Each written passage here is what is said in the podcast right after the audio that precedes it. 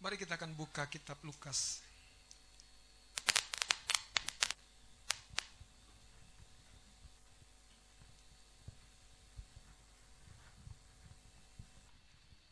Dari Lukas pasal yang kedua.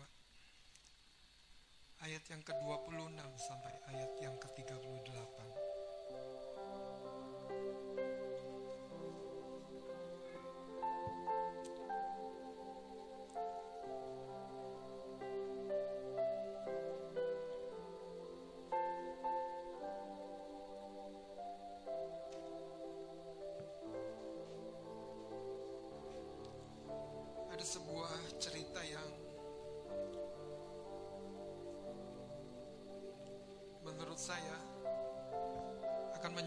Sebuah pesan yang indah buat kita.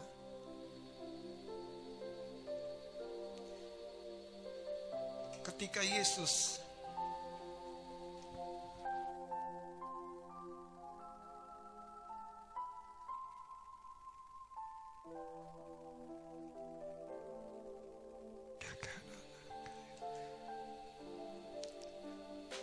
Lukas pasal yang pertama, mohon maaf, Lukas pasal yang pertama.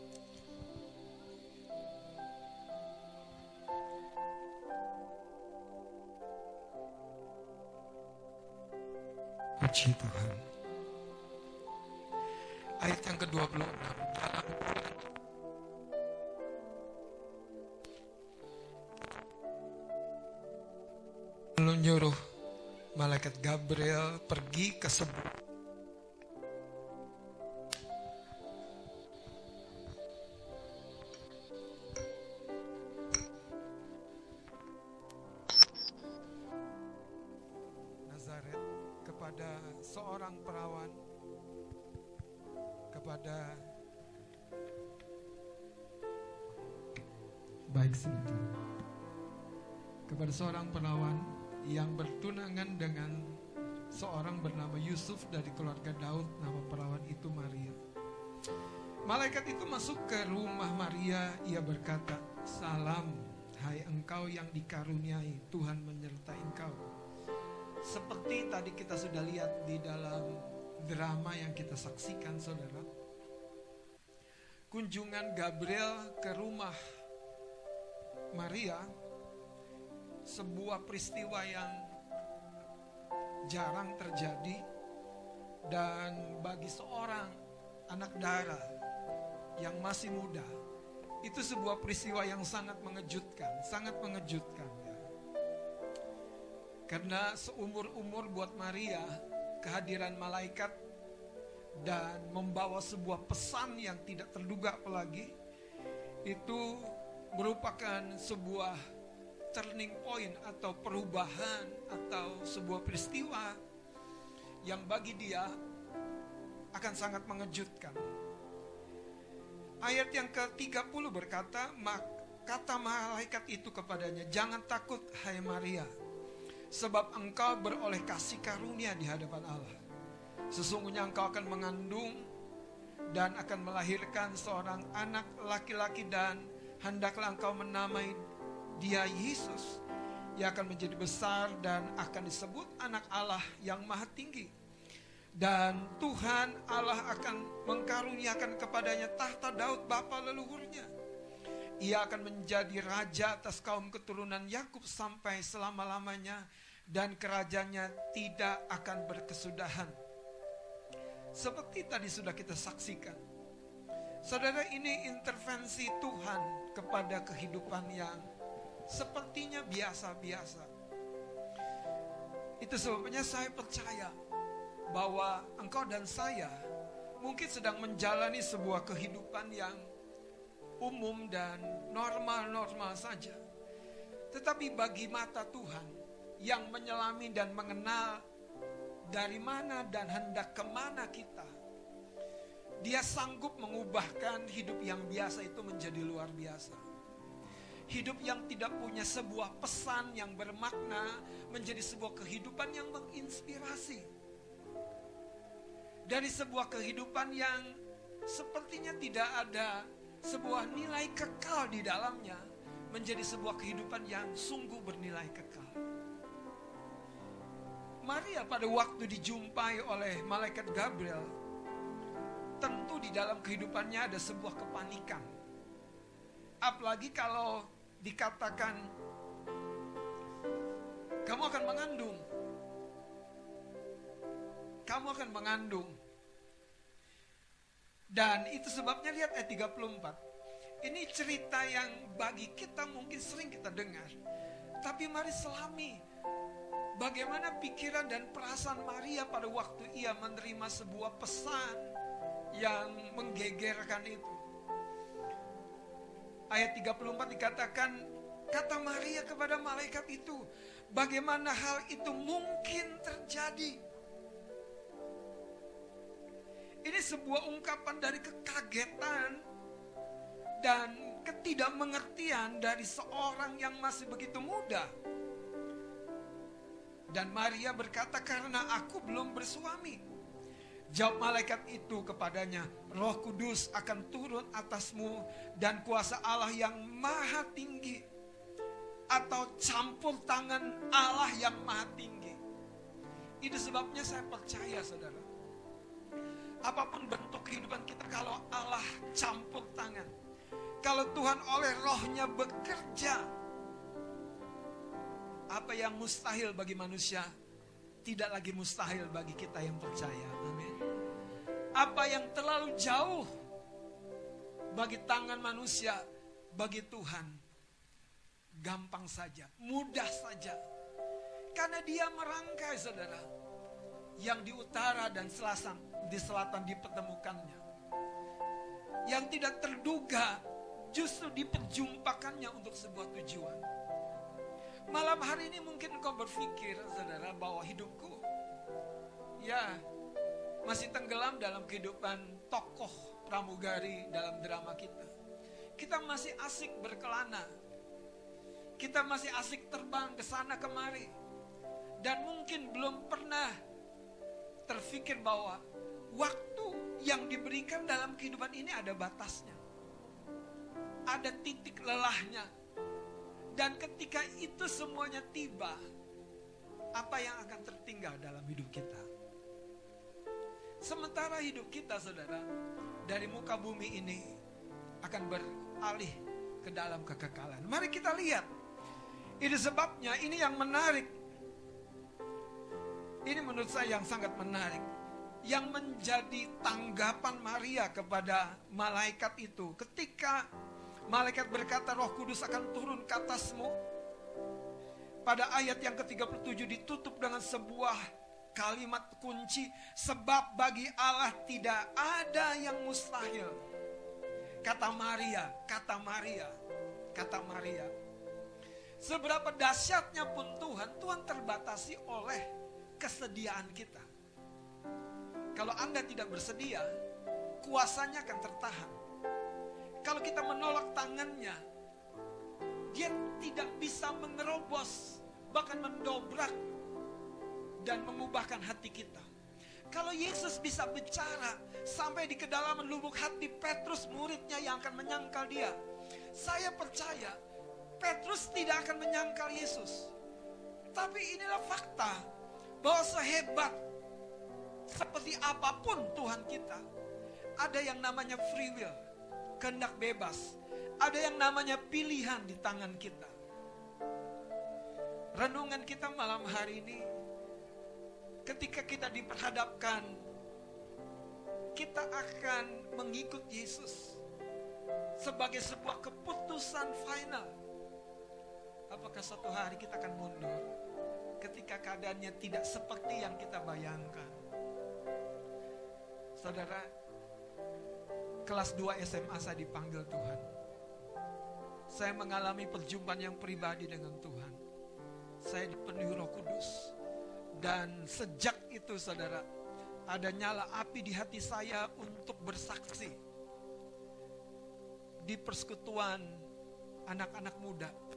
Saya suka sekali bersaksi. Kalau boleh Pak Pendeta mengizinkan saya khotbah, saya akan khotbah Sekalipun saya tidak tahu yang namanya pembukaan. yang namanya penutup. Saya tidak tahu bagaimana menyampaikan firman Allah dengan baik. Saya tidak tahu bagaimana menguraikan Alkitab. Tetapi yang di dasar ini ada sebuah cinta kepada Tuhan yang sudah mengambil beban saya.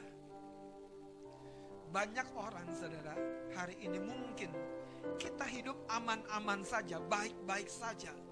Tapi yang aman-aman saja, baik-baik saja. Pertanyaannya, apa yang akan kita hasilkan dari yang baik-baik dan aman-aman saja? Apakah yang kita akan hasilnya hasilkan sesuatu yang memuliakan Tuhan kembali? Atau kita akan hasilkan sesuatu yang hanya tentang diri kita, kehebatan kita, karya kita? Maria berkata begini, ayat 38. Tema kita. Kata Maria, sesungguhnya aku ini hamba Tuhan. Aku ini hamba Tuhan. Jadilah padaku menurut perkataanmu itu. Jadilah padaku menurut perkataanmu itu. Saudara, di dalam Alkitab, kalau Anda baca dalam ulangan pasal 28, ada sebuah kisah yang menarik di mana Tuhan berkata begini, kalau kamu umat Tuhan menjadi hamba kepadaku, kamu tahu sebetulnya, aku Tuhan yang maha baik, aku Tuhan yang pemurah, aku mau memberkati hamba-hamba yang bekerja bagiku, kata Tuhan.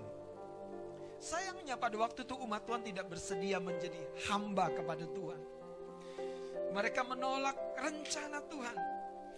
Nah, itu sebabnya ketika dari surga Allah melihat ke muka bumi, dia mendapati satu hati seperti hati Maria yang berkata, "Be it unto me." Jadi kepadaku seturut dengan perkataanmu. Be it unto me. Saudara itu ungkapan dari seorang yang bukan sekedar atau sebatas mampu atau bisa. Tapi Maria sadar, aku ini siapa? Aku ini siapa? Aku ini siapa? Pernahkah satu malam Anda termenung, aku ini siapa? Pernah nggak? Pernah nggak? Pernah nggak? Anda memandang luasnya laut di tepi pantai dan bertanya, aku siapa Tuhan? Apa apa tujuanku ada di muka bumi ini? Ketika Maria mendengar perkataan malaikat itu yang berkata, "Aku adalah Gabriel yang melayani di hadapan Allah. Allah telah mengutus aku." Jadi Maria tahu bahwa perkataan Gabriel itu adalah perkataan dari hadapan Allah. Dari hatinya Tuhan sendiri. Maria berkata, be it unto me. Jadi kepadaku. Saudara, kadang orang berkata begini, ya tentu ada beberapa orang bisa dipakai Tuhan karena suaranya bagus. Tentu ada beberapa orang bisa dipakai Tuhan karena dia bisa main musik dengan baik. Apa yang aku bisa? Saudara, ini bukan bicara apa yang bisa Tuhan pakai. Tapi justru dimulai dari apa yang kita sediakan untuk Tuhan. Apakah kita menyediakan hati seperti Maria? Be it unto me. Jadikan kepadaku seperti yang engkau katakan. Maria sebetulnya menggambarkan kehidupan, prinsip-prinsip bagaimana kita sebetulnya di buka bumi ini. Sederhananya, kita menjadi hamba kepada dunia, kepada diri kita, atau kepada Tuhan. Kalau kita menjadi hamba kepada diri kita, kita mengejar cita-cita kita, mimpi kita, harapan kita. Atau kalau kita menjadi hamba kepada dunia, itu yang sering sekali kalau kita pulang malam, capek, letih. Tapi kalau kita hitung hasilnya nggak seberapa. Dan kita selalu berkata, kapan berakhir Tuhan? Kapan berakhir Tuhan? Coba tengok kanan kirinya. Kamu menjadi hamba kepada siapa?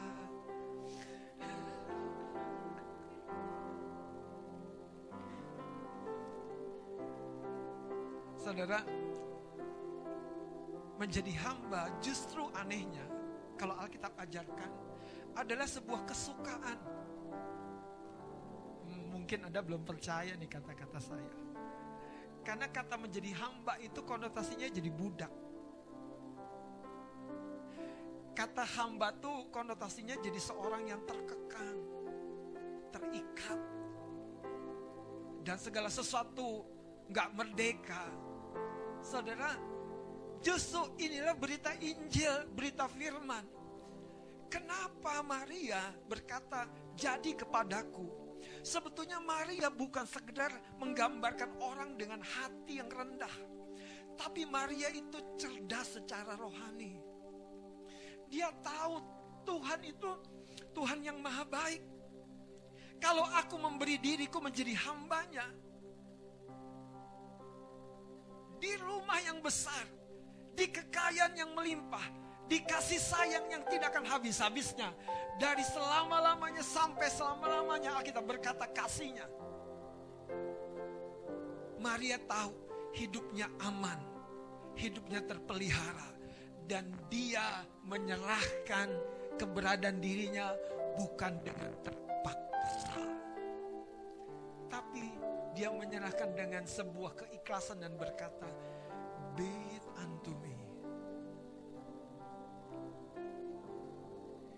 Ada dua hal yang saya dapatkan dari cerita tentang Maria dikunjungi oleh Gabriel ini. Kalau kira-kira Bapak Ibu dikunjungi Gabriel, bukan malaikat yang lain ya.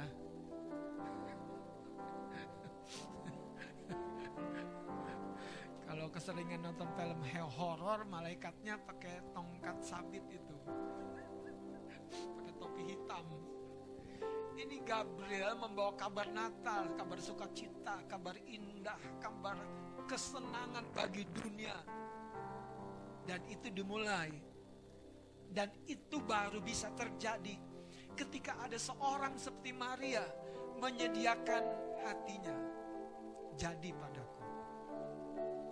Yang pertama saudara, ini yang menarik dari cerita Maria. Maria telah menyadari dan menemukan identitas yang sesungguhnya. Ketika dia berani berkata jadi kepadaku. Coba saudara. Berapa teguhnya Anda dalam pekerjaan, dalam rumah tangga, dalam hubungan. Itu semua kembali kepada siapa Anda dengan orang-orang di sekitar Anda. Istri saya beli satu gelas.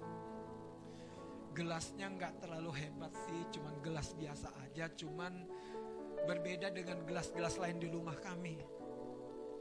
Dan istri saya beli gelas itu untuk kalau istri saya bikin kopi buat saya. Dia bilang kepada tiga makhluk di rumah kami, saya, istri saya, dan anak saya. Ini gelas buat papa ya. Ya, itulah yang luar biasa. Satu waktu dia lihat, istri saya lihat, anak saya malah pakai gelas yang sengaja dibeli, dikhususkan untuk saya. Dan istri saya nanya sama anak saya gini, Bang, ini kan buat papa. Emang kenapa? Kan papa, papa aku. Halo? Anda telah menemukan identitasmu, hei, dengar.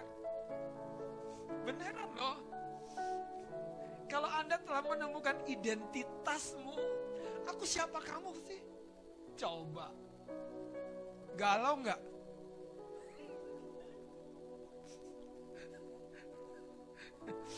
Datang ke sebuah tempat dan nama Anda tidak terdaftar di perguruan tinggi. Sementara Anda sudah begitu rupa, mendap dan lain. Kenapa? Ternyata ada sebuah identitas yang hilang. Tapi kabar baiknya di surga tidak pernah ada catatan yang hilang. Di keluarga Allah tidak pernah ada catatan yang hilang. Tidak pernah. Dan ketika Maria didatangi Gabriel, dia menemukan dan menyadari identitasnya yang sejati. Menjadi hamba kepada Tuhan. Itu satu kesukaan. Satu blessing, satu berkat. Kenapa? Karena dia Tuhan yang maha baik. Wong anaknya yang tunggal saja dikasih buat kita. Apa kurang baiknya Pak Bu? Iya enggak?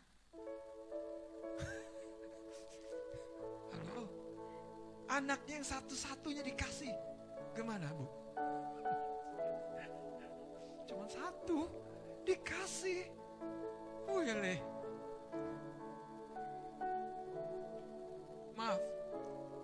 Kasih Bapak kepada kita melampaui kata gila. Kata gila itu punya manusia. Kata gila itu punya manusia. Anda tangkap?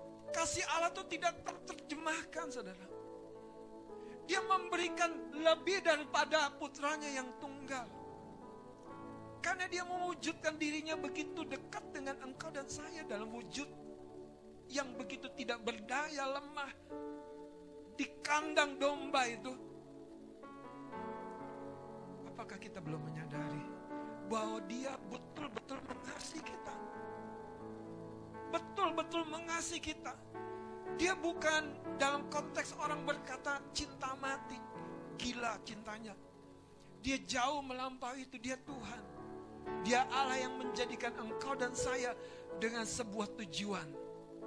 Dan itu dimulai. Dia memperkenalkan dan menyadarkan siapa kita. Yang kedua, saudara. Apa yang menarik dari cerita ini? Ketika Maria menemukan identitas yang sesungguhnya, dia menjadi hamba kepada Tuhan pemilik hidupnya. Ini yang saya mau sampaikan dalam berita Natal malam hari ini. Maria menemukan rasa aman, rasa aman, rasa aman, rasa aman. Pernahkah Anda terbangun ketika malam dan takut? apa yang besok Anda bayarkan kepada penagih hutang yang datang? Pernahkah Anda tersadar di akhir bulan dan ternyata anak Anda menderita sesuatu yang, wah, aku mau periksakan ke mana? Pernahkah Anda terkaget dan ketika seperti tadi di dalam drama ada geledek menyambar ya? nggak kerja lagi. Gimana skincareku?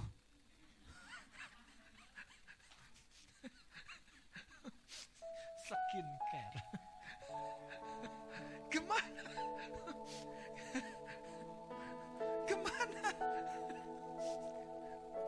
Dan itu sebuah fakta saudara bahwa orang yang sangat dibutuhkan hari-hari ini rasa aman. Eh, yakin Bu, tahun depan masih kerja di kantormu? Yakin? Who knows? Betul nggak? Tapi orang yang menaruh harapnya kepada Tuhan yang maha baik dan menjadikan dirinya hamba kepadanya. Tuhan yang maha murah, maha baik. Engkau aman di dalam dia. Besok makan apa, Pak? Ya yang paling enak itu apa? Indomie telur.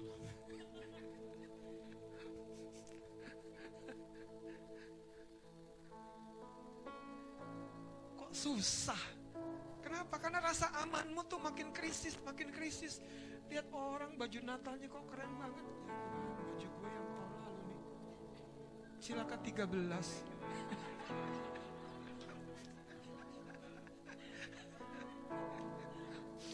nggak nggak menyingkapkan loh, nggak menyingkapkan.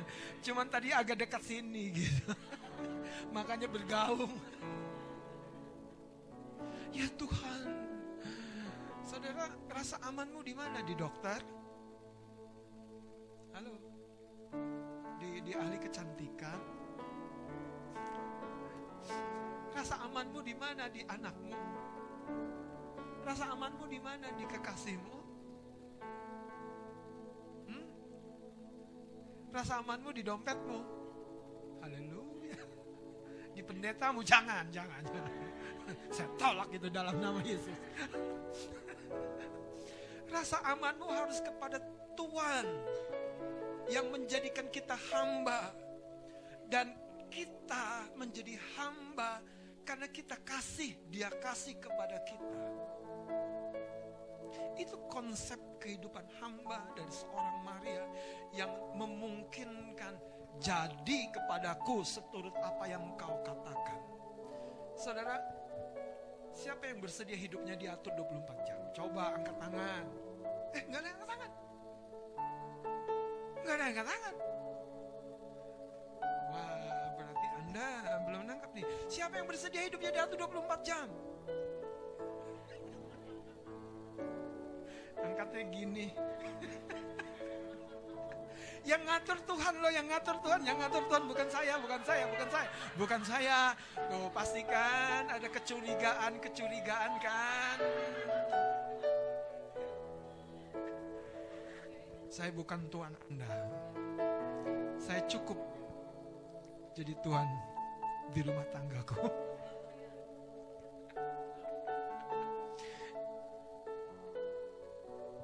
Anda 24 jam mau diatur.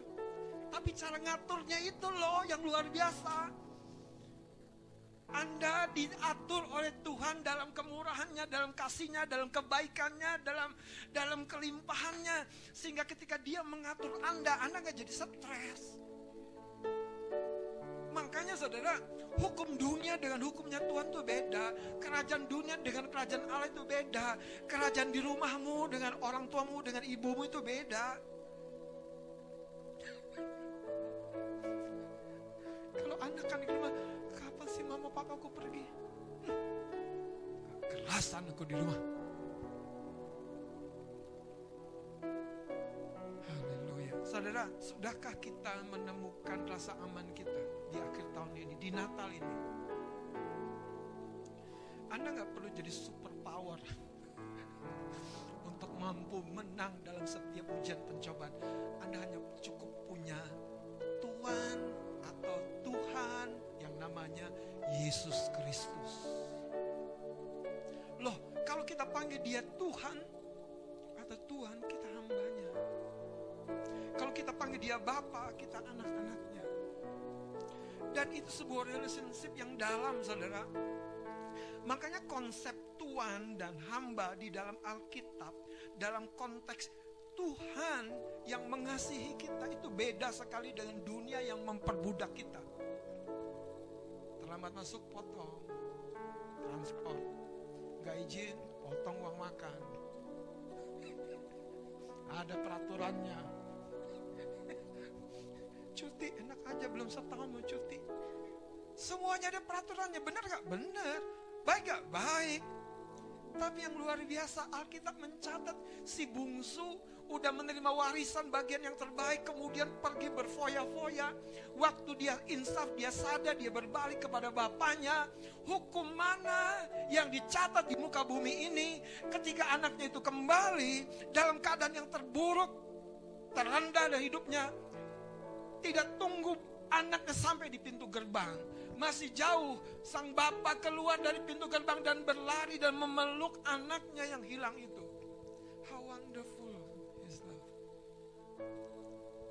Saya berdoa itu sebetulnya yang Maria alami. Maria bukan hanya takut, gentar, dan menyerah terpaksa. No, no, no. Maria tidak sebodoh itu teman-teman. Makanya ketika Gabriel menyampaikan roh Allah akan turun. Dia langsung ya percaya terjadi. Kenapa? Karena Maria tahu bagi dia untuk menjadi hamba itu artinya memberikan dirinya dalam perlindungan dan naungan Allah dan Tuhan yang baik yang mengasihi hidupnya.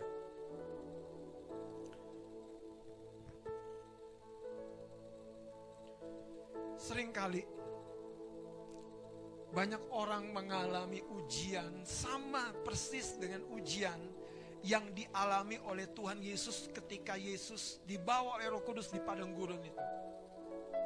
Ujian untuk apa? Ketika dia berpuasa 40 hari, ujiannya masalah fisik, masalah kebutuhan lahiriah. Masalah bagaimana kebutuhan lahiriah ini dapat terpenuhi dan setan berkata kepada Yesus, kalau kamu anak Allah, perintahkan dan batu itu. Kalau saya tambahkan sedikit, jangan banyak, eh jangan sedikit ya. Perintahkan batu, batu, batu, batu, batu itu jadi roti. Tapi Yesus tahu, ini yang saya mau beritahu saudara. Ujian buat kita berbicara kebutuhan, apakah kita ingat dua hal tadi? Siapa kita? di mana rasa aman kita. Kemudian ketika dia dibawa ke hubungan bait Allah dan setan berkata jatuhkan dirimu ke bawah. Karena bukankah firmannya berkata akan diperintahkannya malaikat akan menatang engkau kakimu tidak akan terhentuk. Saudara, apakah Yesus cukup nekat? Ya udah, itu kan Alkitab bilang. Tapi Tuhan cerdas, dia berkata itu artinya mencobai Tuhan. Dan ketika setan menguji dan mencoba lagi membawa dia apa? Ke sebuah tempat gunung yang tinggi. Dan memperlihatkan apa? Keindahan dunia. Ada apa tadi? Hong Kong. Ada Korea. Bali sih lewat. Lewat.